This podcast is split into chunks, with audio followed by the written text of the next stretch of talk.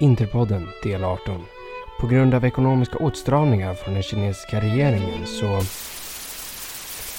Jajamensan, välkomna till Interpodden del 18. Tillbaka igen nu efter ett längre uppehåll där en hel del saker har hänt. Bland annat så har vi ju stött på vår första förlust mot Udinese eh, tidigt i mitten på december. Eh, därefter följt av en förlust mot Sassuolo, förlust i derbyt i Coppa Italia mot Milan och därefter då kryss mot Lazio och Fiorentina. Eh, under det här programmet så kommer vi självklart diskutera detta. Vi kommer blicka framåt mot kommande matcher mot Roma. Vi kommer diskutera Mercaton och lite grann om vad vi kan förvänta oss från säsongen nu när vi går in i den andra halvan av den. Och med mig för att göra detta har jag ju som vanligt min partner in crime, Binan Alatar. Hur är läget? Jo tack, det är bra. Det var länge sedan eh, och det har ju många påpekat också. ja, och vi har ju velat, eh, hur många gånger har vi skjutit upp det här nu? Ja, alltså. Fem? Sex? Ja, det är något sånt. Alltså julfirande och C-uppsatser och nya ja. jobb och sånt där tenderar att komma i vägen ibland. Ja, allt möjligt. Allt som kan komma emellan. Ja. Och sen i ärlighetens namn så har man inte varit supertaggad på grund av att det har gått som det har gått. Man är mest irriterad och mm. kanske inte vill göra ett eh, superdeppigt avsnitt fastän vi inte har tänkt på det sättet. Men ja. Ja, ja, nej men och framförallt om ni vill ha lite perspektiv på deppigt så kan jag ju säga att jag var ju där för stora delar av den här. Jag är ju där våran första, jag åker aktivt ner för vår första torsk mot Udinese. Bara den grejen. Där satt jag liksom och sjöng Interbells med min blåa luva som de delade ut och ja, och det, ja, du vet. Och för er som har missat det så är ju det fångat på film eh, Där Hampus sjunger och han sitter i publikhavet Det ser lagom road ut och eh, Det finns, jag har laddat upp i Facebookgruppen så att om någon har missat det om det nu går att missa ja. så... Ja, och det är ju lidande som ni har missat alltså. Rent sagt.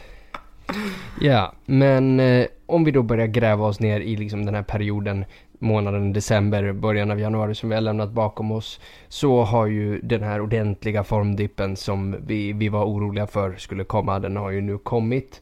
Och eh, Binan, hur oroliga ska vi vara egentligen? Alltså, om, om man är helt ärlig, eller om jag är helt ärlig och om man eh, inte tror mig så får man gärna lyssna bakåt i tiden på de första avsnitten när det faktiskt gick väldigt bra så, så är det just det här jag var rädd för. Eh, det är att det kommer en svacka, vi har inte sett Spalletti i svackan påtalade flera gånger, svackan kommer. Vi kan spela hur bra som helst, vilket jag inte ens tycker att vi har gjort. Men även om vi skulle göra det, så kommer alla lag gå igenom en svacka och det handlar, att ta, eh, handlar om att ta sig ur den. Eh, jag vet inte om jag nämnde det, men jag har funderat över det i alla fall när det kommer till Lazio. För de hamnade ju också i en svacka. Jag tror faktiskt att vi diskuterade det i förra eller förra, förra avsnittet. Nu var det ett tag sedan, men, men att vi då snackade om att de är inne i sin svacka. Eh, det, är inte alltid lagets fel. Det kan vara domare, det kan vara många andra faktorer som spelar in. Men de tog sig ur den direkt. Ja, ja om du frågar Simone Inzaghi så, så handlar väl, handlar väl mest av det här om VAR egentligen, eller hur? Ja. Ja, och framförallt då eh, han har ju beskyllt flera gånger att han har ju sagt någon så här skum grej att, att Lazio har förlorat sju matcher på grund av att VA, VAR har dömt si och så. Liksom det jävla gnäll. Alltså om man är ärlig i situationen eh, Det eskalerade ju där när eh, den här Om det var Immobile som fick rött kort istället för straff eh, Alltså Du kollar på en situation i, i VAR för att döma om det är straff eller inte Istället så eh, väljer han att eh, gå på en annan situation som sker i straffområdet och dela ut rött kort och, och han blev ju granskad efter det, avstängd domaren och även så kom det fram att han hade Totti som profilbild eller något sånt där fjanteri. Men det, alltså så att... Ja, och man förstår, alltså jag förstår i alla fall Inzaghi. Sen att det är en annan match går deras väg och att han fortfarande är irriterad. Ah, det kanske är ännu bättre att han är konsekvent med det. Än att han ska liksom eh, säga ja ah, men nu, nu går det vår väg, då tycker jag om det. Det är inte fulländat, det är inte perfekt. Eh, det är långt ifrån perfekt det är bättre, alltså för, för det stora hela så är det nog bättre och det var ju jag ärlig med eh, att jag inte tyckte tidigare men ja, det har växt på mig och även fast det inte har varit så bra för oss nu på slutet så, så eh, har man ändå lärt sig acceptera det fast man måste liksom ändå säga det, Jag tycker inte att det är perfekt eh, jag, jag, tycker knappt att det är bättre än att inte ha det På, på den nivån är jag men ja. eh, det börjar växa på mig Ja, nej men eh, jag står väl lite grann, det, Spalletti pratade ju om det här på, på presskonferensen senast och han var ju inne på att han argumenterar att VAR får rätt i besluten ungefär 90% av fallen och framförallt så vill jag ju lyfta då situationen som vi har mot Lazio när bollen går på Skriniars hand med en glidtackling. Eh, och vi har ju exakt samma situation innan, ett par matcher innan mot Juve när han går på Benatia och den där döms likadant. Och då, det faktumet att den där döms likadant bevisar ändå någonting. För jag är villig att lova att hade det varit samma situation förra året så hade Joe fått straffen och vi hade inte fått den. Och det, alltså jag håller med dig där och samtidigt så eh, har det ju gått Juves väg med VAR flera matcher i rad nu och, och det har varit liksom, alltså felaktiga beslut. Men det har gått deras väg så att det är därför, alltså jag kan inte, jag, kolla. Jag tycker inte domare är bra heller. Om man ska vara helt så. Alltså, klart att vi ska ha domare men jag tycker inte att de gör ett bra jobb heller och därför så Det underlättar inte att, att VAR finns för att de tar fortfarande fel beslut Och 90% ja, jag skulle vilja syna den siffran eh, Det går säkert rätt många gånger men det gör det även utan VAR Ja, det gör det med största sannolikhet. Jag tänkte att vi kan diskutera lite den här perioden som har varit utifrån eh, från spelarna och eh, jag tänkte väl börja med ett litet uttalande där och säga att eh, Antonio Candreva har ju varit förbluffande urusel. Mm. Ja, håller med. Håller med. Uh, ja, form är form. Uh, har han bevisat nu. Så är det bara. Uh, är han ur form och... Eller vad ska man säga? Han var i toppform och nu är han tillbaka till Candreva. mm. jo. Eh, jag tänker, finns det någon spelare under liksom den här allmänt tråkiga perioden som du trots resultaten vill ge en eloge till? Mm, usch, jag måste nästan tänka. Alltså... Nej. Alltså jag vet inte. Jag, nej men... Typ det handlar om att ta sig ur en svacka. För att jag kan köpa matchen mot Udinese. Alltså jag gör verkligen det. Eh, och jag tror att alla köpte det. Alla som håller på Inter. Att alltså det är sånt som händer och just mot Udinese hemma så är det Det är just då det kan hända Jag tror till och med att jag hade tippat eh, Udinese vinst mm. Förlåt men eh, Så att jag köper det men att Ja jag, jag, kan säga att jag köpte inte det då mm. Vill jag lova Nej Jag vet inte alltså det Ja alltså man gör ju felberäkningar och man underskattar motstånd och så vidare Speciellt när man är inne i en fin period. Eh, men vi har varnat för det. Alltså vi, vi har inte spelat bra och ändå så har vi fått med oss full pott ganska många gånger. Mm. Eh, och det, det, är hemskt att säga men det påminner ju tyvärr om eh, det vi har snackat om att det inte ska påminna om och att, att det inte gör det och vi har diskuterat det du och jag fram och tillbaka. Du menar Mancinis? Men det är Mancinis mm. inte. Ja alltså nu, nu så kan man ju faktiskt säga att det verkligen gör det. Eh, tyvärr. Men eh, ja, jag sitter och tänker någon, ja jag kan hylla Ranocchia faktiskt. Ja, det tycker Hemskt. jag är rimligt. Det, ja. Eh, jag tycker att jag vet inte, vem mer har varit konsekvent? Alltså, Handanovic skulle jag säga, men jag tycker ändå att han faktiskt Alltså han har absolut varit bättre än de flesta i laget, men han har inte varit Superman. Skriniar har inte varit Superman. Eh, har du någon? Eh, nej, jag satt och funderade på Icardi för, eller egentligen så inte för att jag tycker att han har gjort en överdrivet bra insats. Jag tycker bara att kritiken som har kommit mot honom är rent av bisarr. Alltså han har ju den bästa den bästa förvaltningsprocenten av skotten, alltså hälften av skotten han tar är mål. Och just det här att ah. folk bara vad håller han på med? Han är helt alltså bla bla bla bänka hit och dit. Alltså stick mer. Alltså det var ja, alltså, okej. Okay, alltså den, ja, den matchen mot Sassuolo. Det är total skandal. Men men herregud, alltså varenda forward har en, har en ordentlig dipp i form. Och det här är väl egentligen den första liksom riktigt hårda formdippen vi har sett från Icardi sedan han kom egentligen. Alltså grejen är så här, jag, jag fattar inte heller den kritiken för att Alltså man måste vara konsekvent Även när man ger kritik eh, Och, och kommer det till Icardi så, alltså vadå, han har ju inte varit sämre. Alltså han har ju, okej. Okay, i någon av de här matcherna, nu minns jag inte vilken, jag har nog filtrerat bort det. Var det kanske mot Sassuolo där han missar lägen? Och vilket han även gjorde i början av säsongen. Och sen så kom han tillbaka och visade liksom. Alltså att du missar lägen, det är fullt normalt. Eh, att du sen blir sönderläst i spelet, vilket var tydligt Alltså när det kom mot eh, Juventus först. Eh, Att vi blev sönderlästa och, och, många började diskutera om det var Ja men vad ska vi göra nu, vi kan inte spela inlägg och sånt. Alltså vi spelar ju, under den här svackan har ju Spalletti testat på att spela Ja men att skippa Kandreva och, och köra liksom en Försöka spela på mitten och spela oss igenom.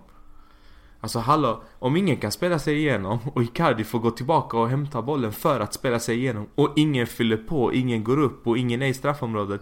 Alltså, det är inte Icardis fel, det måste folk ja, förstå. och jag hatar alltså, det här, alltså Det här snacket. Bara Icardi hjälper inte till, alltså han hjälper inte till i uppbyggnadsspelet. Jag hatar när han hjälper till i uppbyggnadsspelet.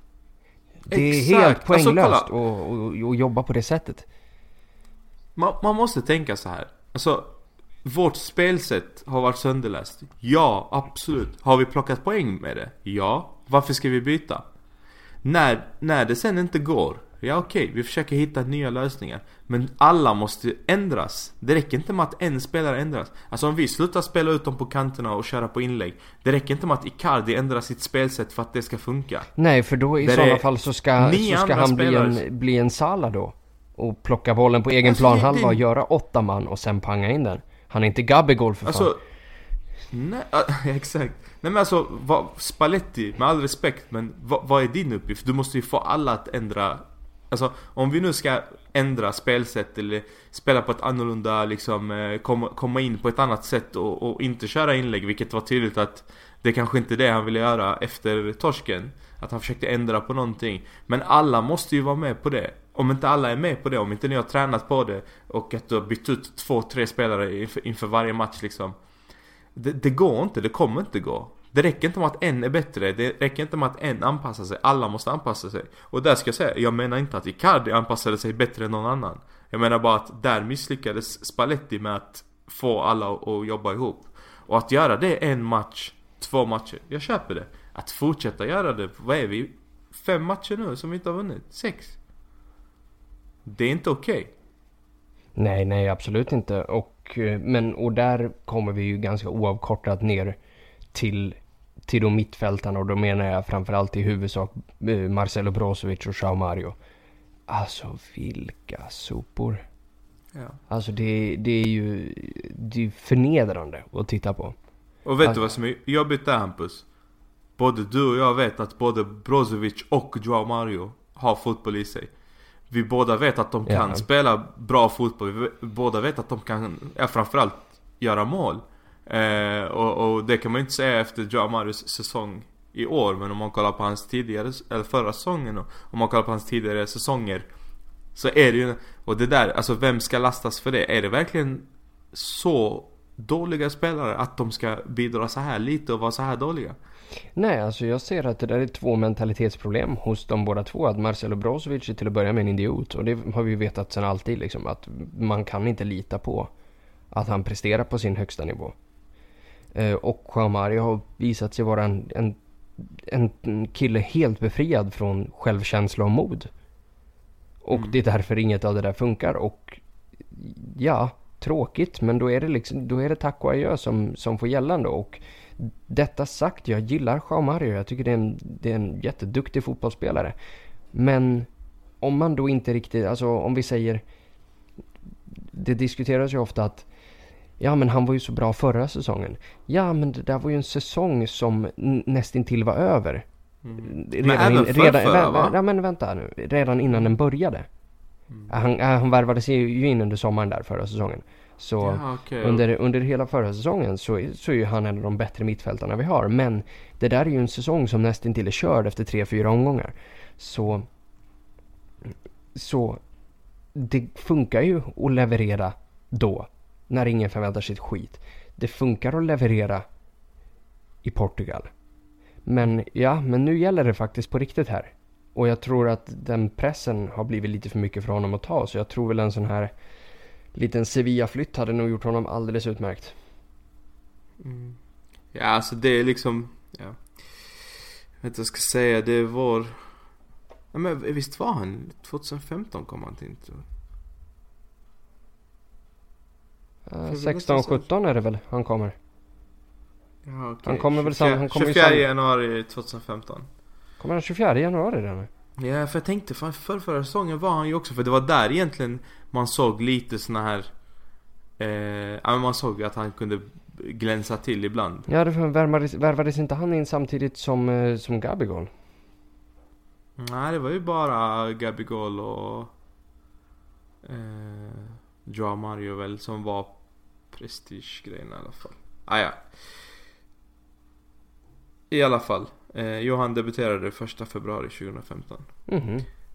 Men, eh, alltså, jag vet inte. Jag, alltså, även om de är, och vi har ju diskuterat det här tidigare eh, i, i podden också. Men även om de är helt okej okay fotbollsspelare så handlar det om att få ut det maximala av dem. Eh, och det finns ju någonting i dem så att någonting ska vi kunna få ut.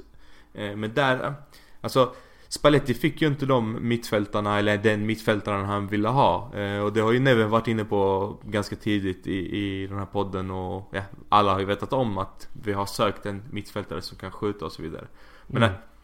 Jag menar de har ändå levererat även den här säsongen, inte Joao Mario kanske men Brozovic eh, Stått för ett par mål, stått för ett par bra insatser, eh, sprungit mycket och så vidare och så vidare Men nu på senare tid alltså, hur kan alla blir dåliga samtidigt. Det är det som är mitt stora så här. Vad är det som händer? Alltså Perisic, herregud, ja, killen ja. kan inte spela fotboll längre. Nej, inte alls. Så att, eh, ja. Eh, det blir så jävla negativt att diskutera men men eh, du kan inte tappa, om du har fem mittfältare i ett lag så kan inte alla sluta vara bra. samtidigt. Det är liksom orealistiskt. Jo, och just den här situationen nu med de här namnen vi tittar på på, på Mercato när det pratas om, om Joaquin Correa och det pratas om Rafinha hit och så vidare. Mm. Och Pastore. Alltså den här banniga försäljningen. Mm. Alltså jag, jag ligger ju sömnlös. Mm. Jag har magkramper över det där. Alltså det där hade ju liksom jag, jag, jag det, kan inte jag, förstå det alltså. Nej, och jag tycker att det är alldeles för enkelt att svara med att eh, Ja men eh, Vi behövde pengarna då inför FFP 30 juni. Alltså alla de här svaren mm. de, de må vara korrekta Men det är inte okej. Okay. Är du med på hur jag menar? Ja, alltså och i sådana fall så sparar man väl inte in så sparar man väl inte in de pengarna på en spelarroll som du kan komma att behöva. Nej och då alltså, kommer... I sådana, fall så, I sådana fall så hivar man ju Brozovic då. Ja, och det enkla svaret är att men ingen är intresserad av Brozovic. Alltså alla de svaren vet vi och vi har hört dem och vi förstår dem. Eh, vi förstår inte hur vi kommer till dem. Är du med på vad jag menar? Jo, men allting, vi skapar allting våra handlar om, förutsättningar. All, allting handlar om utbud och efterfrågan. Jo, om vi, om inte... vi kräver 20 mille för Brozovic, tacka fan för att folk inte är intresserade. Men vi fick 9 mille för Banniga. Okej, okay, kräng Brozovic för 9 mille då, så balanserar vi ut budgeten. Det hade, det hade klubb har radat upp för att få plocka. Ja men är du med på, på det exakt det liksom Alltså den enkla förklaringen är inte den vi söker Vi söker en förklaring till varför vi hamnar i de här situationerna om och om igen mm. Varför har vi pratat om FFP i sex års tid? Varför har vi pratat om att eh, nu måste vi, ja men vi köper någon så måste vi sälja honom för att vi ska ha råd Samtidigt så kan vi göra affärer som är korkade rent ut sagt yeah. eh, Gång på gång det känns inte eh, långsiktigt och, och långsiktighet är någonting jag vill diskutera i alla fall. För att du kan inte börja om varje år. Ja, och vi kan ju börja med att besvara en av de här frågorna. Varför är FFP så mycket hårdare på oss än vad de till exempel är på, på Milan och PSG och så vidare? Det är ju för att när det där drar igång så går vi in i det där frivilligt. Vi signar ett frivilligt avtal. Alltså lyder vi på en annan nivå än vad många andra klubbar gör. Det var fantastiskt dumt av oss.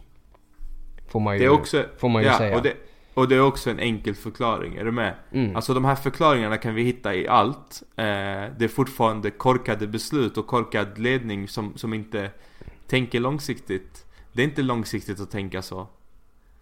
Ja, och en, den, den funderingen jag har mest av allt, det, alltså.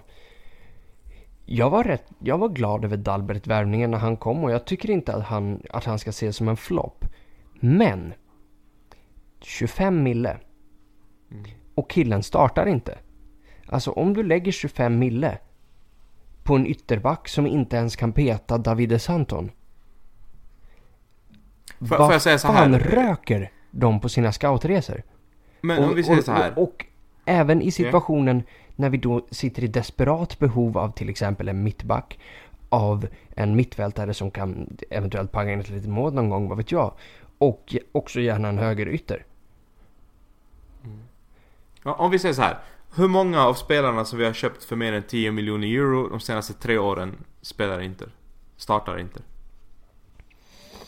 Mm, Skriniar? Ja. Ja. Är det någon mer? Alltså, Miranda. vi betalar väl ingenting för honom? Eller en låg summa? Nej just det, Miranda gick ju för fan Ja, free, free, free agent ja. Eh, Ja. Alltså jag menar, jag menar hur många köp har vi Okej gjort? men Vesino gick för 28 mille. Okej, Vesino. Gagliardini 20 mille. Ja, Skriniar, Gagliardini, tre. Och vi har köpt, säger vi, 10 stycken för över 10 kanske. 8, Ja. 9 stycken. Även Alltså, det är ju Kandreva inte en bra gick hit dyrt. rate. Ja. Perisic gick dyrt. Eller Perisic var väl 17 mille. Så Perisic var ett jävla kap faktiskt. Men Ja, kap absolut, och men kap, om vi, om vi säger... Om vi, om vi säger Perisic är ju inte värd 20 nu. Alltså det är det som har hänt. grejen är att det där kommer ju, det där kommer ju vända liksom. Per, Perisic har en formdipp. Kandreva är bara Kandreva liksom. Är han kvar Så. i Inter när det vänder då? Ja, herregud, det där vänder ju på en vecka eller två. Aha, nej det tror jag inte. Det tror jag. Det Det tror tror jag. jag. Alltså, Usch. förr eller senare så, så smackar han in ett mål och en assist och sen fortsätter det som vanligt. Det har vi sett, det har vi sett flera gånger förut. Ehm, men... Perisic är bra när laget är bra. Ja, Det är en stor fara. om vi säger, om vi säger under, den, under förra säsongen med, med mm, den andra delen med Pioli så han är ju han är ju bärande. Han bär ju det laget fram där i många av de här skitmatcherna med sena mål mot Udinese borta och Kiev och så vidare liksom. Ja. Eh, Men vad vi kan diskutera här med summorna är ju om vi tittar på de dyraste värvningarna vi har gjort.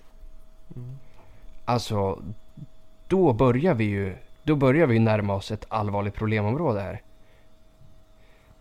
Och, om, om vi bara tar en förklaring så snabbt så att folk hänger med om, om man inte är insatt i just varför Hur vi kan sälja någon eh, som Banega för 9 miljoner och sen köpa någon för 30 miljoner. Eller eh, signa Cancelo på lån med utköpsklausul på 35 På tal om Cancelo, han är den enda som har gjort det bra eh, Sidospår, men ja. Ja, men honom har vi inte köpt heller.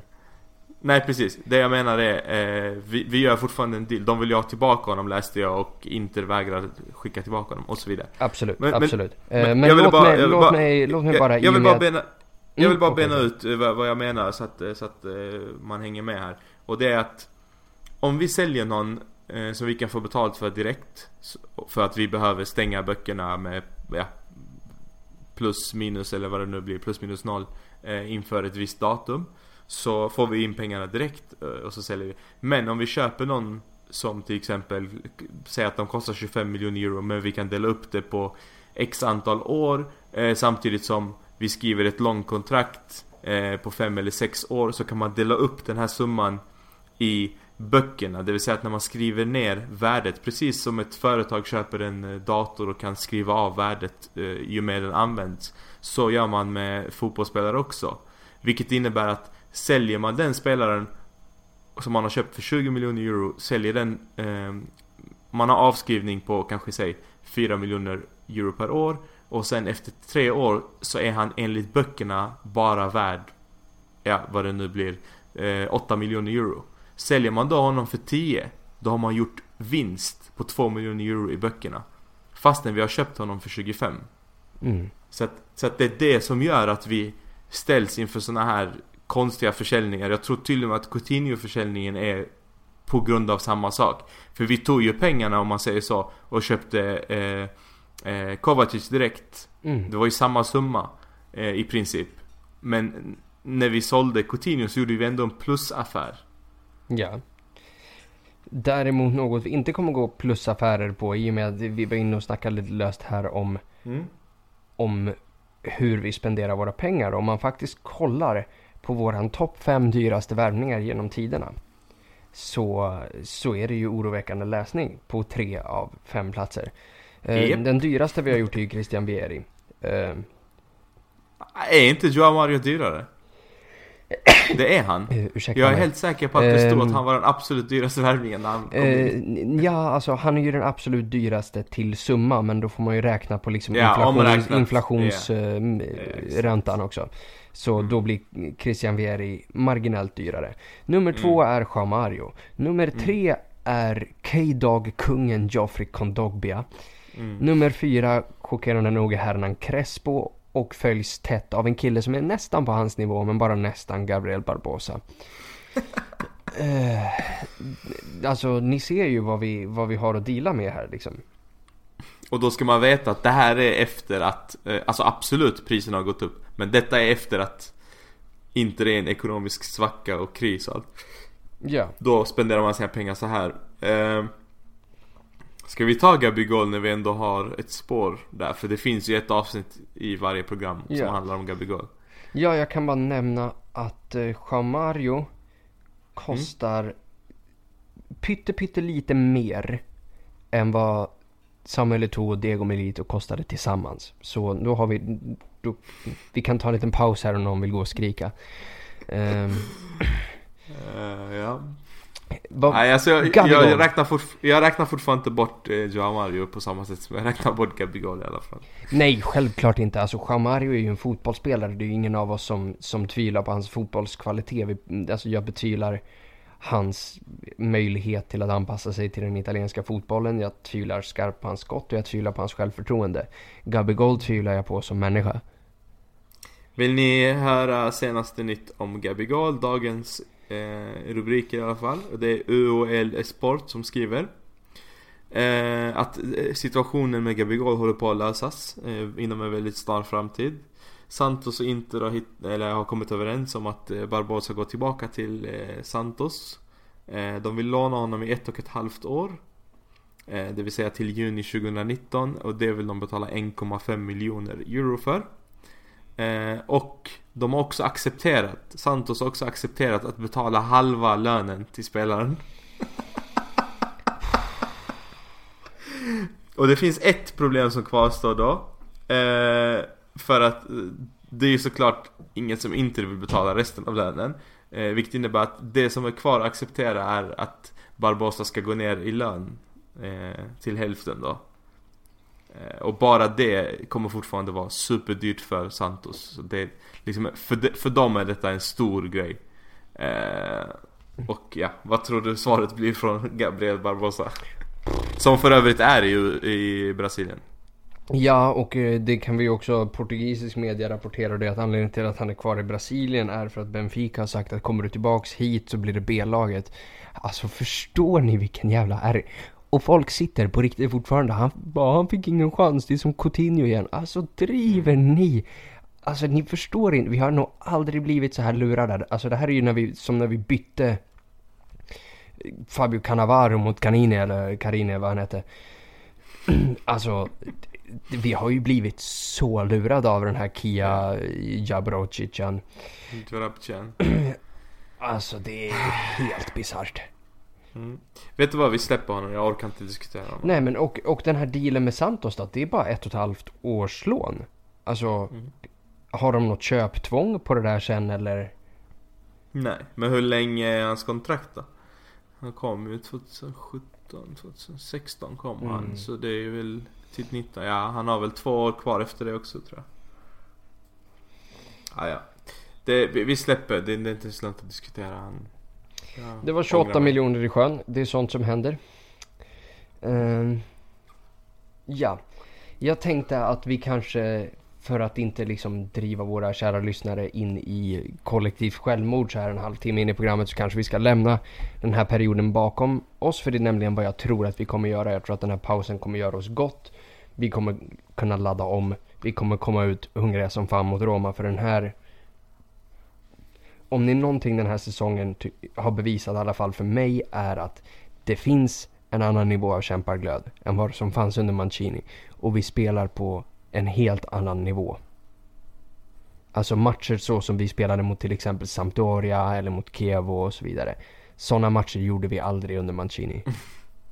Kommer du ihåg att jag sa efter Kiev-matchen att vi borde spela med samma lag nästa match? Att de ska få en morot för att de gjorde det så bra. det gjorde vi inte. Eh, och ja. Jag tänker fortfarande på vad hade hänt om vi hade startat med exakt samma lag. Som precis har vunnit med 5-0. Om vi slutar med de här konstiga eh, överraskningarna inför varenda startelva som kommer ut. Om vi slutar ändra på positioner där vi faktiskt gör det helt okej. Okay, vad händer då? Men ja, det fick vi inget svar på. Nej. Eh, jag vet inte om du förstår det och märker det på mig så Jag är lite trött på, på eh, att Spalletti inte får det att vända. Jag tycker det Alltså Jag tycker inte att spelarna ska lastas för hela det här ansvaret. Jag tycker att han har ett ansvar i det och att han ska verkligen se till att, att göra någonting bra av det här för att vi orkar inte med ett till tränarbyte. Vi orkar inte med hela den Börja om på noll, börja om på noll, börja om på noll. Nej. Så att, eh, och finns det någonstans han ska visa det för oss så är det väl mot hans gamla klubb. Ja, och, och vi ska ju, det ska ju sägas att vi, det är ju inte ett Roma som kommer starkt in. Det är liksom en Nainggolan som, som rökte en cigg på nyår och tydligen var det i hela jävla världen. Um, så då bänkar de sin bästa spelare mot Atalanta och fick dask. Och nu ryktas det om att han ska flytta till Kina så liksom det här, kommer ju, ja. det här skickar ju laget ur balans liksom. Och det är hemmaplan. De vet att de fick dask på hemmaplan av oss också.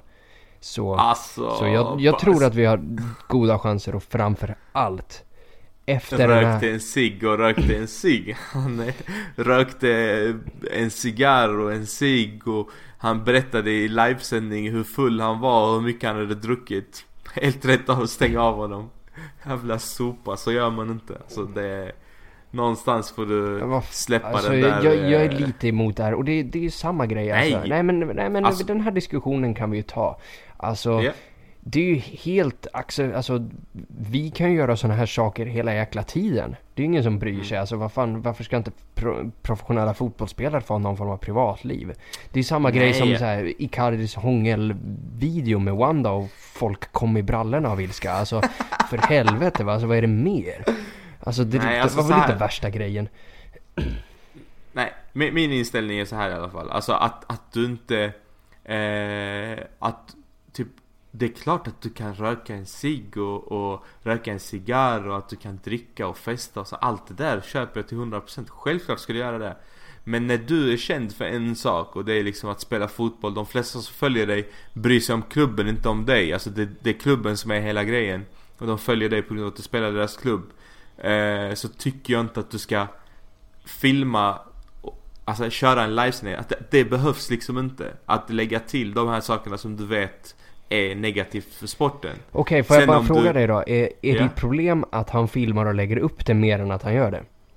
Absolut, Okej, okay, då, då, det kan jag väl köpa, ja, ja. Okay. Det är sociala mediebiten som stör mig, inte att han Det är klart att han kan göra det, fan Det är klart att du har, är du fri, så, alltså har du fritid så har du fritid men det är inte snyggt att göra det för dem som kan associera det här med din, eller klubbens nästa match. Nej, det är, är väl, det är väl sant. Och så kan vi bara, alltså det här spelar ju oss rakt i händerna. Det här att, han, yeah. att liksom, han går och käftar med direktörer i Roma på vägen ut och... Ja, eller så kommer han med, med tvärtom med liksom, ja, jag ska visa dem vem det är de stängde av. Det kan liksom slå båda hållen. Säkert. Jag tycker bara att det är en onödig del av, av eh, jag, jag förstår liksom, det, det, det, handlar mer om att jag inte förstår varför han gör det. Jag får inte in i mitt huvud hur du och dina kompisar eller de som är runt omkring dig tycker att det här är en bra idé. Alltså vad det ger dig. Nej, mm. men samtidigt, ja, som sagt det... Den... Ja, alla människor är olika, det, jag är inte med med det. eh, så det är ju, men min huvudtes i allt det här var att jag tror att jag är tämligen säker på att vi kom, Spalletti kommer få rätt, rätt sida på det här. För det finns en helt annan nivå av spelintelligens och kvalitet i den här truppen mot vad som fanns tidigare. Och om man då skulle liksom den här matchen mot Roma blir, blir ju viktig liksom, i och med att det är en direkt konkurrent om tredje och fjärde platsen. Men också om vi skulle få till den vändningen nu, nu på söndag kväll. Så har vi ju ett gäng gosmatcher efter det. Vi har bland annat Spall borta, Crotone hemma, Bologna hemma, Genoa borta, Benevento hemma och sen derby. Alltså förstår du, om vi inte fixar det nu, om vi fortsätter vara i den här svackan och möter de här och får stryk av dem. Ja, då, då, ja, men Ja. då kan vi ju kyssa hejdå till Skriniar, till Icardi, Ja, till absolut. alla som är någonting att ha. Absolut. Men Och- jag tror att vi kommer vi? prata mer om det när vi kommer in på Mercaton sen. Ja, eh, jag tror att vi kommer torska mot Roma. Eh, jag tror att vi torskar med 1-3. Eh, precis samma som vi vann mot dem borta. Eh, jag tyckte att även i den matchen att de var väldigt bra och de är oftast bra när de kommer till San Siro också. Eh, plus att jag tror ju på att han tänder till istället för att Alltså speciellt när det finns flyttrykten. Man, man kan vrida och vända på det där hur mycket man vill. Men när det finns flyttrykten så tror jag att ännu mer han ska bevisa. Kolla vem ni stängde av och så vidare. Och om han nu ska stanna eller om han ska dra. Så kommer det ändå stärka hans aktie att göra en bra match. Eh, sen är väl inte den klubben han var närmst i sommar. Eh, Ja, liksom. ja, I alla fall hur, hur han betedde sig på sociala medier och så vidare återigen. Eh, så att, ja, jag vet inte. Jag tror att de gör en väldigt bra match och jag tror att han är eh, bland de bästa i laget. ja, okej. så, Tyvärr. eh, så om du då är så säker på, på 3-1 Roma, hur, eh, hur eh, vill, vem gör målen då i sådana fall? Jag tror att eh, Dzeko, om han är skadefri, jag har ingen aning om, om hur deras trupp ser ut just nu. Eh, men att han hänger ett eller två och sen att eh, eh, Nangolan gör ett. Och att för oss så gör en ovan målskytt mål. Vem det nu är vet jag faktiskt inte. Men vi drar till med Vi drar till med Valero, har han gjort? Ett mål Mm. tidigare. Nej, jag tror faktiskt att vi kommer ta den här. En 1-0 vinst. Och eh, bara för att det ska bli lite poetiskt vackert så får man väl eh, sätta Kandreva som målskytt då. Just för att jag har sågat honom och det är en Lazio-kille så han, han ju ogillar i Roma liksom. Han håller väl på Roma? Det gör han väl inte? Jo, jag tror fan det. Gör han? Jag tror att därför Lazio-supportrarna inte ville ha honom eller vad det nu var. Eller så är jag helt ute och cyklar. Men jag har för mig att, att eh, Nej men är inte det där Romagnoli? Det var Romagnoli som lirade i Roma, fan. höll på Lazio och taggade till Milan. Jag tror faktiskt att Kandreva... Eh, jag tror faktiskt jag är ganska säker på att han är... Det, ah, ja, skitsamma. Eh, jättebra om han gör mål. Men... Eh, eh, vad var det jag skulle säga då? Eh, tappade jag bort mig helt. Men eh, ja, det, det hade varit väldigt skönt och kan vi inte diskutera eh, Fiorentina-matchens... Alltså, när Icardi gör det där målet. Mm. Eh, då får jag tårar. Och liksom tänker, vet den här känslan när det har varit tufft ett tag och sen äntligen så släpper det. Ja. Alltså den här stenen som släpper, den kände jag när Icardi gjorde mål och liksom Känslorna tog över och, och tårarna rann. Och sen så bara... Alltså vem om inte Simeone? Japp. Och hur kan vi göra de tabbarna i de minuterna? Alltså när det betyder så mycket mer just då. Ja, och men där vill jag ändå liksom skydda laget lite grann för det där resultatet, det lägger jag enskilt på Piero Ausilio och Walter Sabatini. För i Ja, slutskedet alltså. av den matchen så spelar vi med tre ytterbackar och Skriniar. Det alltså... Och då, kan, då är det inte något bisarrt som har hänt heller. Det är, två, det är tre skador i truppen. Som gör att vi hamnar i den, i den helt bizarra situationen. Där vi inte har några mittbackar och vi har våran, vårt första val som både höger och vänsterback skadad. Alltså... det, så får inte en trupp se ut. Så att, att Mm. sen Simeone kommer i dödsfart mot en Santon som spelar ur position och blir stillastående. Tacka fan för att sånt händer. Ja men samtidigt alltså, vi kan inte eh, tappa matchen i den minuten. Alltså det är verkligen inte okej. Eh, det, är, det, det är så illa och så äckligt fastän de har haft hela matchen. Ja. Den där skulle vi bara tagit tre poäng i. Tagit en julledighet som var lugn och skön liksom. Eh, och sen kunde vi varit taggade inför Roma. Jag tror att nu... Jag tror det där kostade mer än, en po- eh, mer än två poäng faktiskt. Ja, det är väl just, en, just i liksom slutskedet av den matchen. Och jag vet att eh, jag, jag lyfte det i, när vi började med den här podden i inled, säsongsinledningen. Så Mm. kommenterade jag att vi har verkligen inte den här defensiva slaktemittfältaren längre. Alltså vi, som vi hade i Medell och som United hade i Ja, Matic och precis. så vidare. Liksom. Han som tar sitt liv för att inget ska hända i slutet. Precis, och där märkte vi att det där kostade liksom. Och det är väl en sån grej som oroar mig på Mercaton också för jag tycker inte att vi har kollat på ett sånt alternativ heller och, och låt oss vara ärliga, en sån spelare är, ga- är inga stora pengar. Vet du vad jag kom på nu? Ja. Om Eder, spelade han sista minuterna? Det gjorde han inte. Nej, han Ha, hade, hade han spelat så hade det nog inte hänt. han hade gett, Alltså- gett Simeone en, Ja. en ske med en spark nu. Ja, men visst hade han gjort det? Troligen, kanske. Om han hade, det är Shit. väldigt långt ner då. Väldigt långt ner i Jo banan. men alltså redan innan liksom, de hade inte ens kommit till det för att där de får den energin, då brukar han precis ha kommit in och vara sugen på att dela ut två, tre smällar. Ja.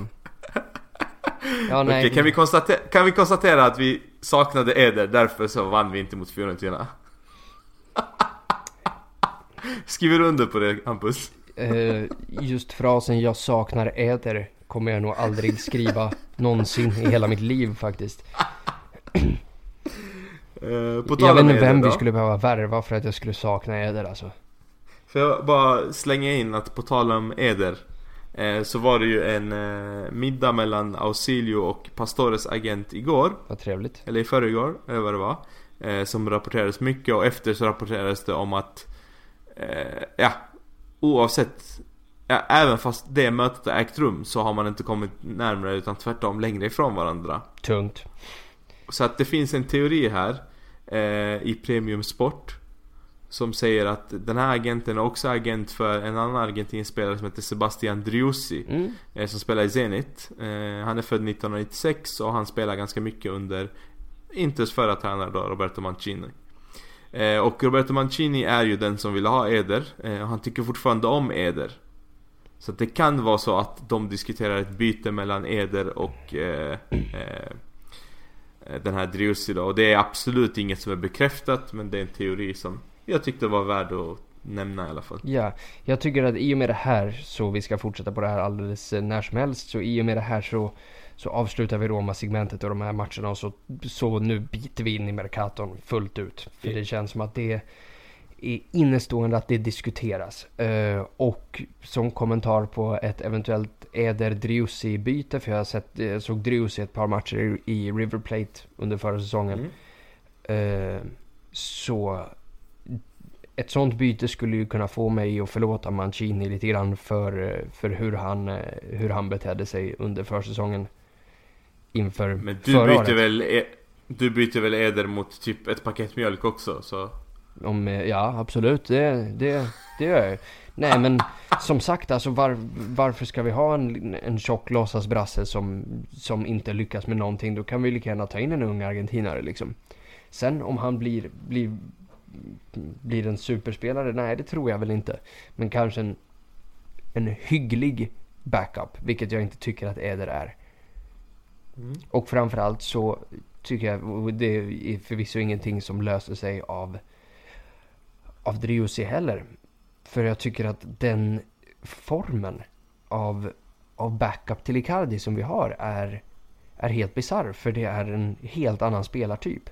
Alltså vi ska ju ha en vi ska ju ha en Quagliarella, alltså en Roberto Ingles, en eh, Pavoletti, en, en, en kille som är som Icardi fast sämre. Mm. Så jag förstår inte varför vi ska ha den feta låtsasbrassen eller då en Driussi som inte är så, alltså som är en anfallare-version mindre.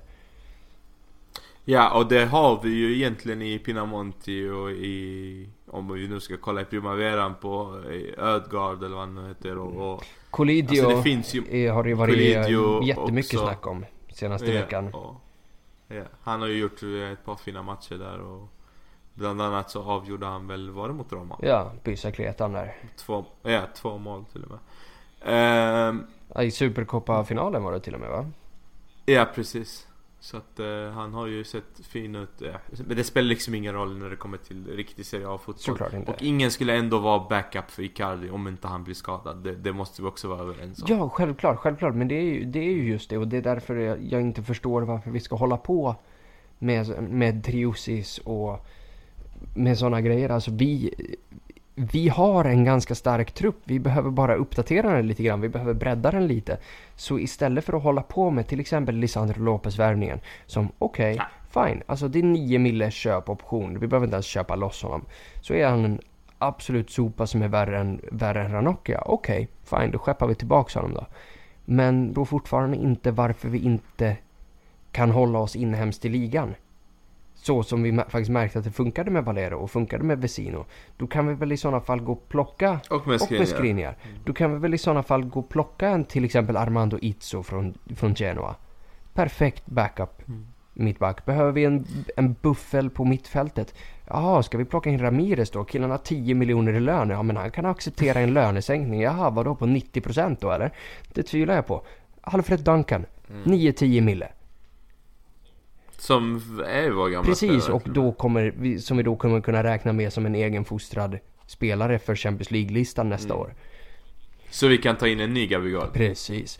Eh, nej men och, och då sen ta in en, en Pavoletti eller en Pietro Imello. Vem, vem fan som. Som backup till Icardi. För samtidigt, jag vill ja. inte ha Pinamonti som hans backup heller. Pinamonti får inte, alltså är inte i närheten av startelvan. Låna ut. Nej, och, och det, ja precis, och det, det snackas ju faktiskt om eh, att Pinamonti lämnar. Alltså grejen är så här, vi diskuterade det här i början av, av säsongen. Eh, där vi sa att oh shit, nu har vi vi har Icardi, eh, om han ska bytas ut så är absolut det enda alternativet Eder. Eh, alltså på papper och det mest logiska och det mest liksom som kommer accepteras av av Eder själv och så mm. vidare. Mm. Eh, varför är Pinamonti där? Typ vad är det han ska, när ska han få en chans? Och nu ser man ju, killen får inte spela varken i Primaveran eller i A-laget. Eh, eftersom att han hela tiden är mittemellan, han tränar med A-laget, sitter på bänken och samtidigt så spelar Primaveran så han spelar inte med dem heller. Det känns som att han bara är ute på landslagsuppdrag hela tiden och, och liksom aldrig får vara Ja men han får inte växa För att han är mitt emellan två eh, lag helt enkelt det snackas om att han lämnar redan nu i januari och att inte accepterar en försäljning, inte lån, utan försäljning för 6 eller 7 miljoner euro. Eh, ja, och eh, men de vill skriva in en klausul att de har återköpsrätt på honom. Så att eh, ifall han skulle bli eh, liksom en, en duktig fotbollsspelare mm. framöver så vill de kunna plocka tillbaka honom. Ungefär samma deal som vi eh. gjorde med, med Federico Bonazzoli då, om ni kommer ihåg det. Däremot så läste mm. jag ett ganska intressant rykte. Mm. Och det här, hör och häpna kära publik. Men Samuel Longo är på väg att bli såld. Kan ni förstå? Alltså han är... Vad har du emot Longo? Jag har absolut alltså? ingenting emot Longo. Jag tycker bara att det är fantastiskt att vi har suttit på en spelare i typ sju år som aldrig har spelat i klubben, aldrig varit på en träning men ägs likt förbannat av oss och blir aldrig såld. Men nu är det nämligen så att hans eh, spanska serie B-lag där, Teneriffa, att de eh, ligger ju jäkligt nära eh, att faktiskt avancera upp en, en division. Och då kickar tydligen någon klausul ut så då blir det ett köptvång på honom. Vad det verkas. På 200 kronor. Ja, nu är vi tillbaka på det här mjölkpaketet du nämnde här. Um, så... Men fortfarande, det kommer kännas tomt när Longo lämnar alltså. Den här killen ja. man alltid kan kalla hem helt utan syfte i Fifa. Uh, Vi hoppar in på, fortsätter på anfallarspåret. Eh, Icardi. Eh, jag har ju en liten teori Mm. här. Nej, men det har ju ryktats eh, friskt om eh, Icardi till Real Madrid och Alltså det var ju spanska, vad är det, AS eller vad de nu Mm. heter som, som startade ryktet eller vad man nu ska säga Att han till och med hade gjort en läkarundersökning Många missuppfattade det och sa men han är ju i Maldiverna, hur, hur ska han ha gjort en läkarundersökning? Det stod faktiskt att läkarundersökningen var i Milano om man läser texten Det vill säga att den kunde ha skett innan han åkte till, till Maldiverna eh, Själva ryktena i sig är väl inte konstiga med tanke på att Benzema absolut inte levererar eh, med tanke på att Zidane verkar sitta löst för första gången för att han Dels så går det skitdåligt, dels så går han ut och säger att vi ska inte värva någon Så att i alla fall från fansens sida så har man tröttnat eh, Och om man känner Perez rätt så lyssnar han väl bara på fans Ja, och med, med rätta. Allvarligt. Sorry. Sorry Zidane, men eh, jag är på Materazzis sida som alltid. Alltså 19 poäng efter Barca. Sopa. Alltså det... Ja. De är faktiskt närmare nedflyttning än eh, Barca Mm, Montella Det är tror jag inte närmare har Barca. hänt ofta Ja Och det, det är sjukt Men det, det bryr jag mig inte en sekund om I alla fall eh, Det jag bryr mig om Jag skulle vilja att det vänder för dem för att de ska sluta kolla på Milano eh, Icardi har ju en utköpsklausul Det har diskuterats hur den funkar eh, Vi vet att den är på 110 miljoner euro Sen resten är bara massa spekulationer om vad som står innan sommaren Under sommaren, endast utländska klubbar och så vidare Man har läst olika saker Har du 100% koll Jag på har, det? gan, För- jag så har som- ganska 100% koll. Eh, Ja. Och Vad är ganska 100%? det, det, det, det, det är 100%. Eh, Okej, jag, ja. jag är relativt asäker. Ehm, så den klausulen gäller som sagt 110 miljoner euro, men den gäller under eh, juni månad. För, för utländska Okej. klubbar. Ja, ja, ja. Det... Så det, det där är ingenting vi behöver oroa oss för i nuläget. Eh, och det är rapporterat att, eh, vad heter det, och eh, Ausilio har hintat om det, Spalletti har hittat om det, att man kommer sätta sig ner med Icardi nu i februari. Och eh, det sägs Ja, att det redan precis. ligger en deal på bordet med värde 8 miljoner euro för honom. Och då en utköpsklausul på 220 miljoner euro. Och Ja. då med de pengarna så anser jag att han är säkrad. Alltså grejen är så här, det, det är ju eh, som sagt då den här mötet, eller det här mötet med Wanda är inplanerat nu i februari eh, Det är redan Alltså ett planerat möte, det, det vet man Ja. eh, det jag vill gå in på nu då Det är ju Alltså att han, hans beteende på sociala medier och nu Snackar jag absolut inte om bilder som han lägger ut eller som Wanda lägger ut på att han har en keps på sitt kön Det tycker jag är en asfet bild och det backar jag henne och honom för Jag tycker det är skitcoolt Han har tatuerat hela benet ända upp till eh, Vad heter det? Grenen? Eh, och eh, tycker absolut att han ska kunna visa den för sin fru eh, när de sitter Att han ska kunna visa grenen för sin fru. jo, det, det kan man väl tycka kanske. I alla fall. Mm, kanske var fel ord men. Eh, det som eh, Det som jag syftar på då är att hans beteende på sociala medier har ändrats. Icardi har jag varit inne på tidigare. Eh, är väldigt han är ett fan av Inter. Han visar att han är ett fan av Inter. Han visar genom att lägga upp eh, bilder på eh, honom i en Inter-tröja. Han, han skriver alltid Forza Inter. Han lägger alltid med eh, svartblått Antingen hjärta eller de här två bollarna eller vad det nu är Det är liksom hans signum när han lägger upp Interbilder Sen det här ryktet kom Sjukt konstig grej eh, Att ens reflektera över Men då lägger han bara upp svartvita bilder när han lägger med interkläder eller in, interrelaterade bilder. Hans vanliga bilder är fortfarande i färg. När det kommer till Inter så är de i svartvitt. Eh, Forza Inter finns inte längre eh, i hans hashtags. Eh, Nu är det me, sun, happy och sånt där. Eh, Och eh, där är inget svartblått i någon av de här bilderna. Och ja, en bild, två bilder kan jag förstå. När han fortsätter med det eh, Och de här ryktena finns Så Alltså det finns säkert en miljon sätt att tolka det på Jag får fram tre tolkningar ett, det betyder ingenting. Det spelar ingen roll vad han skriver där. Eh, två, han hintar om att han, eh, detta är ett kapitel som, eh, som håller på att stängas, därför är det svartvit eh, historia och så vidare. Eh, eller tre, han försöker med hjälp av sin eh, fru, tillika agent och eh, skapa den här oron även hos klubben. Eh, och förhandla till sig en ännu bättre deal. Och man kan tänka sig, Icardi, vår kapten, skulle han bete sig så?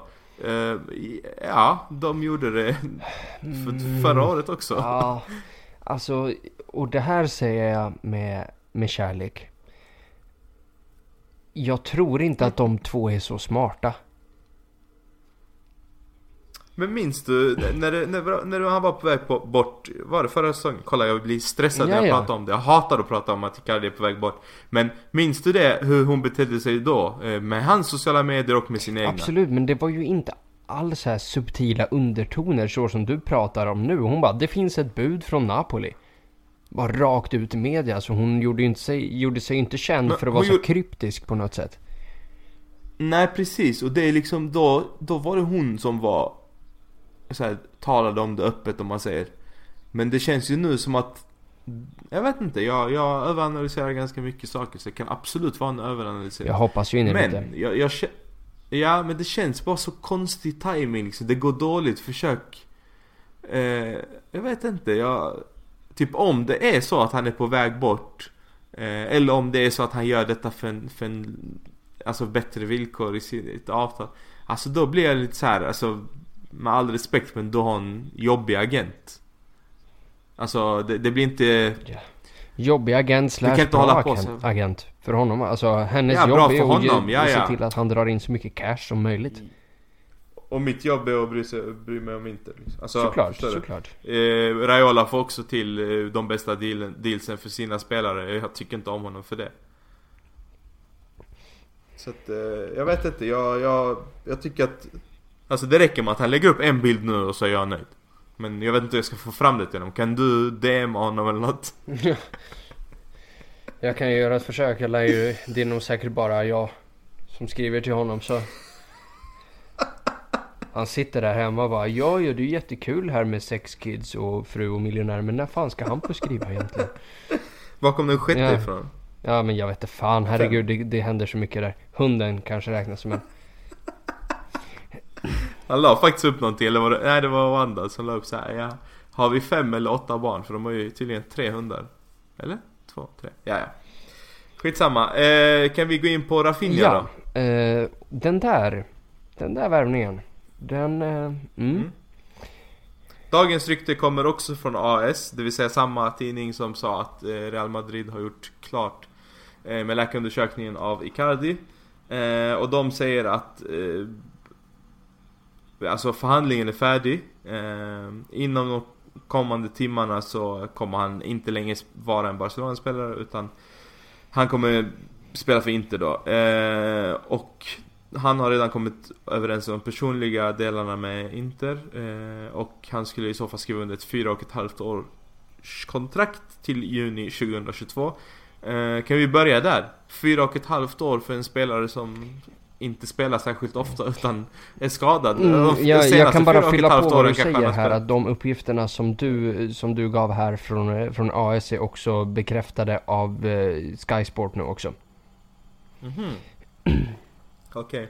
Vad säger vi om, om kontraktstiden? Eh, till att börja med, det där, är ju, det där är ju då det kontraktet som kommer kicka in när då, vad heter det?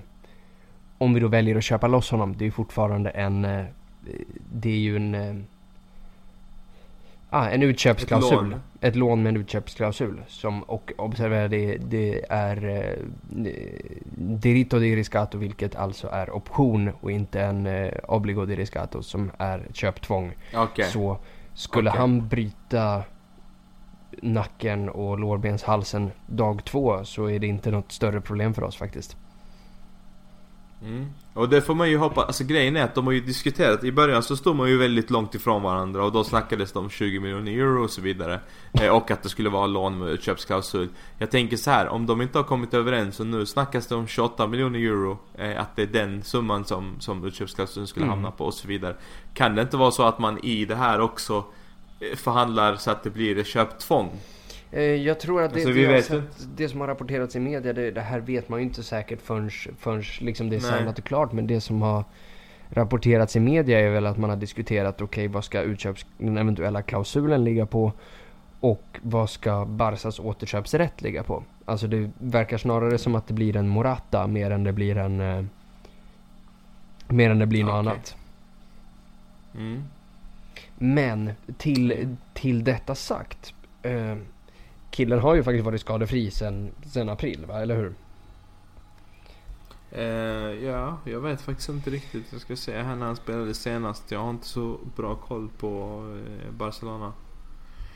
Mm. Ja, ingen aning. Men uh, det har han sagt. Hur som helst, mm. det finns ju två aspekter. Jag kanske har sett honom lira tre, fyra gånger max. Men det är ju två saker som jag tycker om. Och ett är det ju att killen verkar kunna skjuta hårdare än en kattunge. Uh, mm. Och den här lyft, eh, vad heter det, lyftet över backlinjen. Som, vi, som inte har slagits inte sen Matteo Kovacic. Alltså den, jag saknar den som fasiken alltså. Så den skulle jag ju, att om han kan komma in i en trekvartista roll och plocka tillbaks den. Då. Då jäklar. Sen vill jag ju bara hastigt i förbifarten här nämna det här, det här ryktet som diskuteras. Ett byte mellan Jean Mario och eh, Yannick Carrasco. Alltså, mm. uff, om Simeone går med på den så, så är det ju två saker som jag gör. Till, till att börja med så, säger, så kommer jag ju tacka och ta emot så hjärtligt. Och eh, efter det så kommer jag argumentera för att Diego Simeone aldrig ska anställas som tränare i Inter. För det där vore totalt rån. Om vi lyckades göra den grejen. Då, då, ja, då tar vi Champions League. Utan, utan ens tveka. Ja, alltså Carrasco är väldigt, väldigt fin och... Även den här, även den här Joaquin Correa från, från Sevilla som de diskuterade. Tycker jag också är en briljant värvning för oss. Eh, bra skott, lång, snabb, Serie A-van, argentinare. Är det inte värt ändå att lyfta frågan här om, om Kondogbia hade spelat den här säsongen i Inter? Hur många självmål vi hade gjort från 60 meter menar du? Nej men, ja, men, ja, men helt ärligt nu. Eh, under Spalletti och fått sig en, eh, liksom... Med tanke på hur mittfältet ser ut. Alltså om du inte hade sett Kondogbia Inter tidigare eh, och sett honom liksom i alla andra klubbar mm. han har spelat så hade man ändå sagt att ja men den där spelaren hade jag tagit alla dagar i veckan. Ja, absolut, absolut. Um, det enda jag tänker, alltså spelkvalitetsmässigt tror jag väl säkert att han hade kunnat få ut, få ut något av en sån spelare. Det är väl bara problemet att Kondogbi är en, alltså en riktig... Um, alltså, det, det är ett mentalitetsproblem där. Och vi såg ju liksom hur fan han betedde sig och hans luffiga brorsa som... Ja, nu är det sista mm. månaderna i Inter. Alltså, det liksom, vi kan inte ha såna här spelare längre. Alltså, Nej, alltså vi har ju fortfarande en hel precis, del Precis, och då kan vi inte, alltså, och, men så länge man håller de spelarna i minoritet så funkar det ju. Men vi kan ju inte ha liksom yeah. Gabigol han, potentiellt Banega, Mario, Eder, Medel, Brozovic, Jovetic, Jajic. Alltså hur många, hur många dampbarn ska vi ha? Alltså, vi börjar ju likna en särskola mer än en, mer än en fotbollsklubb för fan. Ja.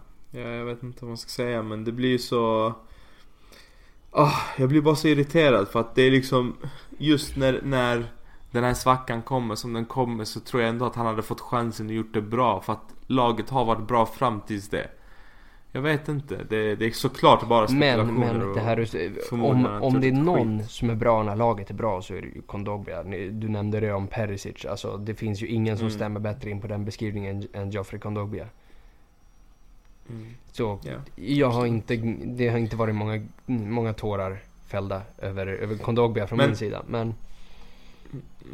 Och Rafinha är du i alla fall pro. Eh, ja, alltså i och med utformningen av, eh, av själva dealen.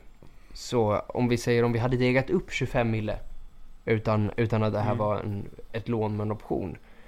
Då hade, då hade jag ju varit rosenrasande. Rent ut sagt. Ehm, och just det. Ska vi ta Delofeu då? Vad säger du? Oh, fy fan i Delofeu. helvete heller. Nej, nej, nej. Alltså det där är ju det är helt... Alltså... Om vi säger så här. I hela min... Liksom... Min tid och uppväxt. Så har Barca alltid spelat en typ 4-3-3. Mm. Men nu med Dembele skadad och Delofeo som då kommer in. Så har Delofeo alltså varit den enda som har varit så dålig så de har så Barca har tvingats byta spelsystem. Och spelar en 4-4-2 nu istället enbart så att han inte ska spela. Alltså, jag tycker det säger lagom om hur bra han är. Och visst, ja men han är ju snabb. Jo men det var Biabiani också. Vad? Va? Vadå vad? Han är och han kommer tillbaka så jag vet inte vad Ah, du ja, snackar ja om. just det, just det. Så var det ja. Han kom ju tillbaks ja. Eh, Nej, så, så Delofeo tror jag inte hade tillfört det här laget någonting överhuvudtaget. Mm. Okej, den sista saken jag har i alla fall om transferfönstret är att det ryktas en massa spelare in. Eh, jag tror fem stycken. Vi har gjort klart med en, Lisandro Ja. Lopez. Eh, inte anfallaren. Eh, som var i Lyon utan Han mittbacken. spelade, I alla den fall. Lisandro Lopez spelade dock i Racing Club. Lirade till, med Milito hans sista år. Så jag hade gärna plockat in honom. Ja, jag, jag- tycker han är cool, jag gillar hans ja, skägg. precis. Ja, jag diggar också honom. Men eh, det var några år sedan han var på topp. Eller på topp, på topp. Han har aldrig varit på topp. Men det var några år sedan han kunde spela i, Europa eller i Frankrike. Mm. Rättare sagt. Eh, topp tappar jag bort. Ja, det ryktas inte alltså att så många spelare ska lämna. Och då tänker jag alltså vad händer? Ska vi bara ta in en massa spelare? Det tror jag inte vi lyckas med. Vilka är det som kommer lämna? Varför ryktas det inte om det? Alltså nu snackar jag om här i januari. Ja, alltså det skulle ju vara om vi lyckas byta Mario mot någonting. Men som sagt, vi har ju lite... Folk är ju lite osäljbara Alltså, det- hos oss, du vet. Ja men även det kan man säga, alltså även alltså, Joao Marius rykt, Joao Mario ryktas ju inte bort så mycket. Det är ju de här två han, namnen som han har diskuterat som eventuellt byte. Eh, men det har dis- diskuterats mer om eh, Alltså att vi bara plockar in spelare. Eh, än att någon ska lämna. Alltså Brozovic till exempel är det ingen som diskuterar, eller jag har inte läst Nej, men någonting det är om att han... vill ha Brozovic heller. Däremot så undrar jag lite hur man tänker då. Okej, ska vi då ta in Rafinha och Ramirez då? Det är det jag inte fattar riktigt. Alltså hur ska vi ta in... Vi har redan ett överflöd av mittfältare. Eh, vi vet när det gick bra så visste man inte hur han ville formera laget för att Ja men det gick bra och ändå så hade vi spelare på bänken som kunde göra det bra och så vidare. Trodde vi. Eh, Är, hur ska han då göra med två, tre till? är det väl det han försöker med Jamario här? Alltså de två som diskuteras där är ju... Personligen, jag ser ju Joaquin Correa som, eh, som en offensiv mittfältare. Men har lirat Mm. en hel del. Han lirade, han lirade bakom anfallet i Sampdoria men han spelar på, på vänsterkanten i Sevilla. Och Carrasco är ju som bekant också yttermittfältare. Men om vi bortser... Ja. Om, vi- om vi bortser från eh, de två. Ja, men jag vill, bara, jag vill fortfarande- bara avsluta där Ja. att eh, den där dealen, alltså just bytet Mario Joaquin Correa är nog mer är, är nog, det ligger nog mer substans och mer potens i det än vad vi tror i och med att Correa har, starten, har spelat jäkligt mycket för Sevilla den här, den här säsongen och var nu bänkad senast nu när eh, Sevilla fick Mm. dask. Vilket skulle kunna indikera på en flytt. Mm. Ja, alltså jag köper det, men jag, jag menar mer att det är ett byte, säger Mm. vi.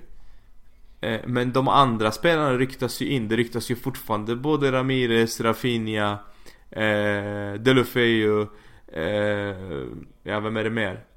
Ja men det är väl de som, som i, i pressen benämns som i princip färdiga. Ja, och så pratas det ju om, eh, vad heter det, den här Jakob Jankto från Udinese och det är Antonin Barak och Brian Cristante och Baselli. Jo, de- de Baselli pratade vi om idag. Det, Ja, det Baselli, vore, det vore fan Precis. coolt alltså. Jag diggar Mm. honom. Jag läste faktiskt om det precis. Eh, men eh, ja, jag tar fram det så länge. Men i alla fall. Eh, eh, eh men ja, eh, det jag menar är alltså vi har ju inte plats för alla de i truppen. Nej, och framförallt så tänker jag, ja okej, men då kan vi plocka in två mittfältare, men våra ytterbackar är ju fortfarande skräp alltså.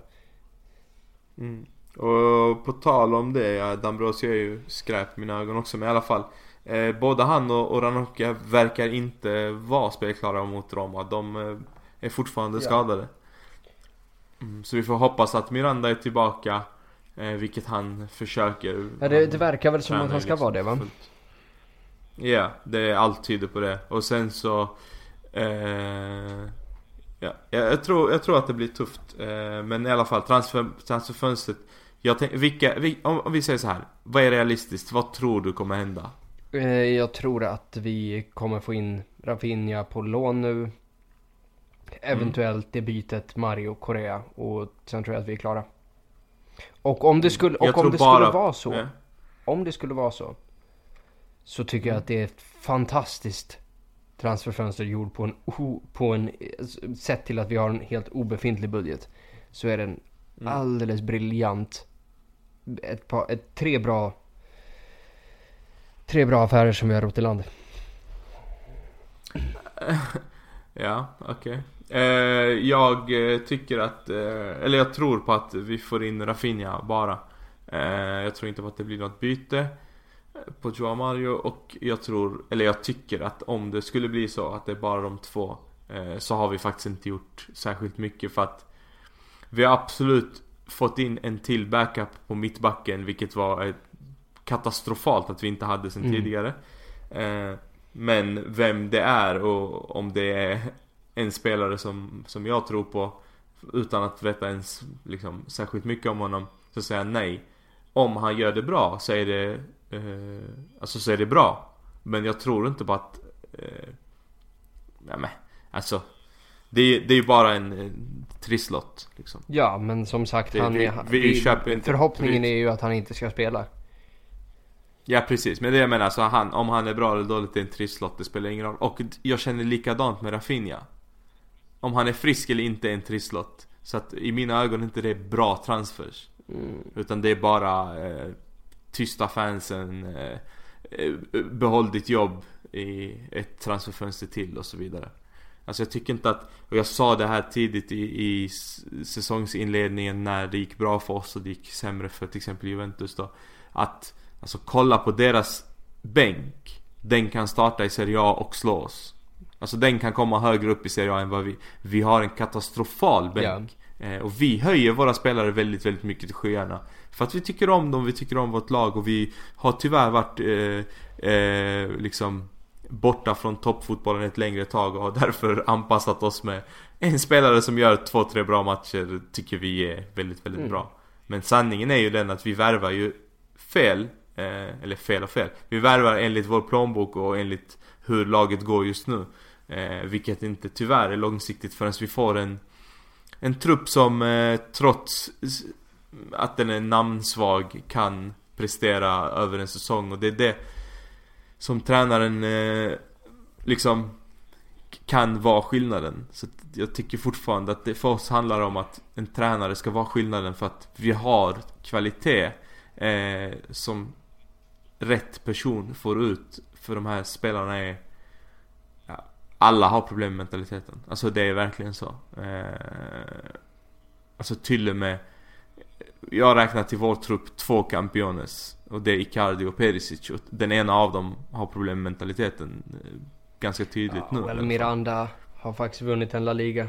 Spelat Champions League-final. Ja, ja alltså Icardi har ju knappt vunnit men det jag menar är att alltså Jag räknar dem som, eh, vad ska man säga en annan kategori av spelare eh, om vi uttrycker Ja, oss som även än resten av Det, det laget. kan du ju få göra men vet du vad? Fuck you. San, eh, Santon har vunnit Champions League. Ja det har han faktiskt. Eh, Så. Jag vet inte vad du snackar om. ja, det var det jag menar. Det handlar inte om vad de har vunnit, det handlar om hur de är. Eh, och där ska vi ta att Icardi, jag går i skydda honom till graven. Att Det är en spelare som som eh, är en campione alla dagar i veckan. Spelar ingen roll vad folk tycker Nej, faktiskt. men däremot så ska vi nog säga att hans tålamod med oss börjar nog ta slut. Och med, med all rätt. Så tar inte vi Champions League i år så är det, så är det tack och goodbye. Och jag kommer inte ens vara sur. Jag kommer vara rosenrasande på klubben för att de har troligen gett bort en av de allra bästa spelarna som, som jag kommer få se under min livstid. Och Mm. ja, bara på ren och skär jävla inkompetens. Ja. Eh, Mm. med de orden tänkte jag att vi kan dra igenom lite lyssnarfrågor. Eh, Yasir Alabas undrar, vem bör vi ta in som kan skjuta ett skott? Och jag hoppas ju att Rafinha är killen som ska kunna skjuta ett skott. Mm. Har du någon annan som du... Eh, nej, alltså jag, jag vill inte hålla på och säga eh, Vidal och alla de här namnen som vi inte kan ta in. Alltså, eh, om du frågar mig öppet, vem vill du att vi tar in? Så ja, eh, Nangolan fortfarande. Eh, men vilken realistisk? Ja, ingen. Så att eh, Rafinha är väl det mest realistiska. Och om han kan skjuta eller inte återstår att säga. Det beror på om han är frisk. Mm, ja, sen har vi en fråga här. Det här är, eh, det här är Ardian Rushiti som har ställt ganska många frågor. Jag tror att vi har täckt de flesta av dem. Men eh, han avslutar sin fråga med Hur ser startelvan ut om vi värvar in Ramirez och Rafinha? Och Ramirez har vi Ja, inte alltså, pratat om jag- så mycket. Mer Mm. än... Jag är, inte, jag är inte jättesugen på den där alltså. Nej, och det är liksom så här. Eh, vissa spelare tycker man om, alltså subjektivt. Eh, och jag är sån, alltså jag tycker ju om Ramirez. Eh, jag vet inte om folk vet det här men när jag kollar på Premier League så har jag alltid haft en extra så här. Den klubben jag vill ska vinna i Premier League är Chelsea. Usch. Eh, finns ingen logisk förklaring till det mer än att eh, Mourinho tränade det. Det var faktiskt då jag fick upp ögonen för eh, Chelsea. Eller bara lite överklasskomplex. Nej alltså jag vet inte, jag, jag, jag, jag har alltid tyckt om eh, De har också haft profiler som jag har känt väldigt mycket för. Till exempel då Didier Drogba är Ja. absolut en av Ja, mina faktiskt, favorit, favoritanfallare. Faktiskt. eh, så att, och, det, och jag kollade mycket på Chelsea med Didier Drogba och, och, och, och har följt liksom lite då och då. Nu kollar jag knappt på Premier League men När jag väl kollar så, så tycker jag om att se Chelsea. Och, och Ramirez där var en av mina absoluta favoriter. Och det handlar mer om att han Alltså han ger mig en annan dimension eh, i spelet för att han Han är precis som Matuidi, väldigt löpstark eh, Har ett skott Har en eh, spelförståelse, han fyller på om anfallaren inte är på plats. Eh, Han vill göra mål och han är glad, han är positiv. Så att Ramirez för mig har alltid haft ett, alltså en speciell plats Precis som Valero hade innan han kom till oss också. Så att jag säger ja till Ramirez utan att ha sett honom i Kina eller vad det nu är de senaste två åren. Eller ett år eller vad det nu kan vara. Jag säger nej eh, på grund av så. den feta lönekostnaden som han skulle vara. Ja alltså, jag tänker så här. Om vi inte ens kan bete oss när det kommer till pengar eh, Alltså när det kommer till, ja men vi kan ta Gabigol som exempel så Ja, han kanske har en fet lönekostnad. Han har sagt att han är villig att gå ner Och snackar vi om att han kommer ha en lön som Gabigol eh, Vilket det har snackats om om jag har förstått det rätt Så säger jag inte varför vi inte skulle ta in honom Mm, Men eh, Ja. hur ser startelvan ut då om vi skulle värva de två? ja, ehm, jag skulle väl säga att det blir väl oförändrat på alla andra platser förutom mittfältspositionerna som det här påverkar. Och då skulle jag väl säga att startelvan blir eh, Valero, Vesino och eh, Rafinha. Mm. Alltså Rafinha då bakom Icardi och då Valero får ta ett steg ner där jag tycker han funkar mycket bättre än som offensiv mittfältare. Och då studsa mellan, mellan honom och Vesino där nere. Ja, frågan är om man skulle kunna spela eh, Alltså fyrbackslinje och sen en eh, Ja men typ Regista och ha någon där nere och sen så köra eh, Två mittfältare över det och köra med Alltså för att ändra på sitt spelsätt om det nu är att vi är sönderläst och så vidare Jo, samtidigt så, vill, samtidigt oss- så vill inte jag tappa Vesino alltså för... Mm. Nej nej men Vesino kan ju spela i ett sånt eh, läge också Att han blir en av de två mittfältarna framför eh, Mm. Jo, det skulle vara ett sätt att integrera Ramirez i sådana fall. Jag tror inte att det hade funkat för Ja, Rafinha. Men... Eh, jag tänker att det skulle, ja alltså man skulle ju kunna köra 4-1, 2, 1-1 eh, Att köra Rafinha Eller ja, Icardi längst upp, Rafinha bakom Köra Valero Vesino Köra Ramirez bakom dem eh, Alltså om vi nu ska sticka Göra någonting Men nu, annorlunda nu, i matchen nu där har du låser många sig. spelare. Vart gör du av Perisic och Kandreva då? Jo men det är det jag menar, om, vi, om de är sönderlästa och de inte ska spela Eh, så kan man ställa upp med ett helt annat typ av, av spel, att vi ska spela oss igenom istället Jo, men det, det, det kommer vi inte kunna göra om vi inte har några ytterkanter längre. Alltså anledningen till att det inte funkar Ja. att spela från kanten är ju för att vi inte kan spela från mitten. För att vi är för dåliga på det. Så därför ställer de allt folk på mitten. Men om vi plockar bort våra yttermittfältare så är vi ju inget hot där ute. Då kan man ju bara ställa 11 man i, i en linje liksom. Nej men det är inte så jag menar, utan jag menar mer att man, om man då spelar liksom lite friare roller och spelar mycket på, på marken. Eh, Och alltså, jag vet inte hur jag ska förklara. Eh, Alltså att man ska försöka komma igenom utan att köra kantspelet. Utan fokusera mer på att, eh, okej vi ska spela oss igenom det här laget Med bollskickliga spelare. Eh, Och där fler personer kan ta skott för att då blir det alltså när, när vi anfaller så kommer vi ju komma med full kraft och med kanske tre offensiva spelare som kan skjuta istället för Ja, en. fast jag, jag ser inte att Att- vi har ett sånt spelproblem. Jag ser bara att det är liksom, det är liksom spelarkvaliteten. Att varenda lag vi möter vet att de här, de här lirarna kan inte göra mål från distans. Men om Rafinha kliver in, pangar in en, Ramirez pangar in en. Till sist så kan Mm. man inte bara ställa allt folk på kanterna och två snubbar på Icardi och sen, och sen bara låta det fortgå. Då måste man börja, då måste Nej, man men, börja kliva upp äh. i sina positioner. Då öppnar man upp ytor. Och det är så vi behöver spela. Jag vill in, absolut inte hålla på att ändra någonting i formationer och skit för det här som vi har gjort. Vi ligger på en tredje plats. vi har 42 poäng efter att halva säsongen har gått. Hade någon av oss fått det här erbjudandet när säsongen började så hade vi signat direkt. Vi har gjort en stark och en bra säsong. Även med den här formdippen in, inräknad.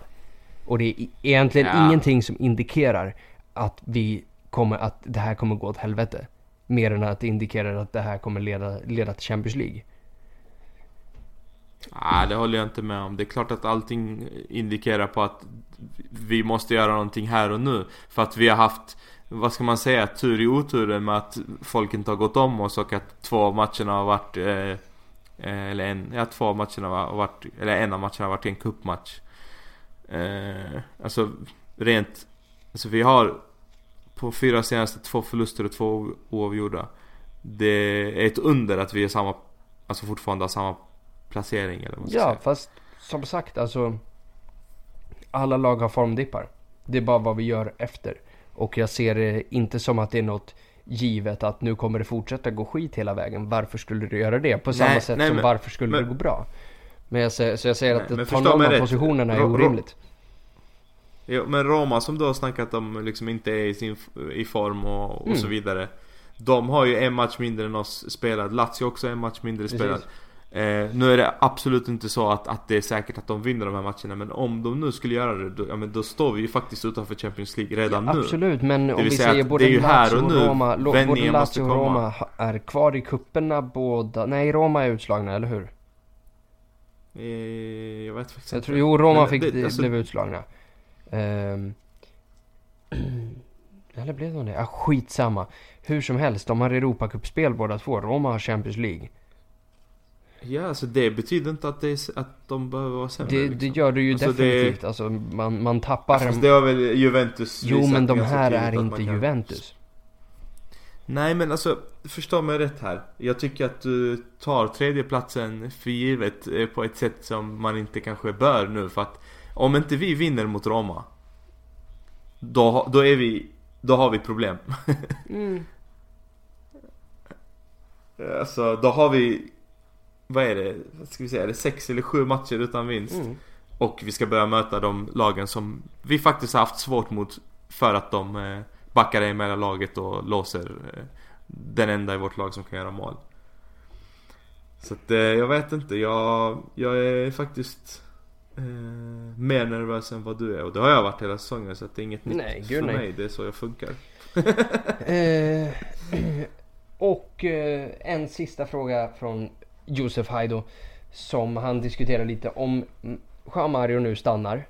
Vad tror du om ett formationsbyte till 4-4-3 och då lira honom i en djupare mittfältsroll? 4-3 till er. Vad, vad fan säger jag? 4-4-3. Ja, alltså en extra, en extra spelare. Alltså jag tänkte, alltså det har ju gått lite kämpigt här. Jag tänkte att vi kanske behöver det.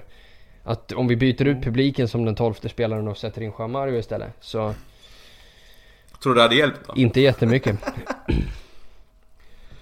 Ehm, ja. Vad tror du? 4-3-3?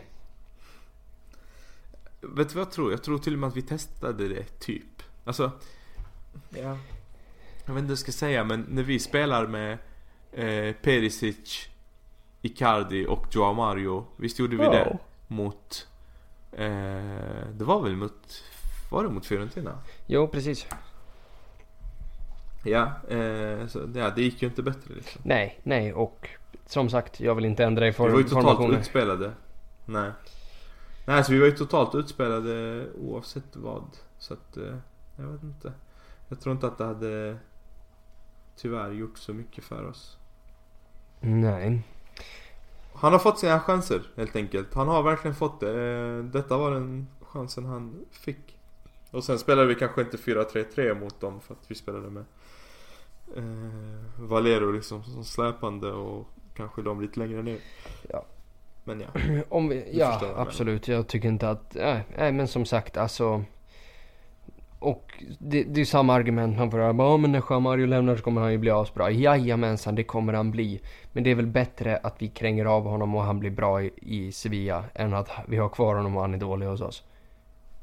Ja, fast man får ändå inte blunda för att det är konstigt att vi faktiskt eh, vet om sånt här. Ja, fast Italien är en av de mest svårspelade ligorna.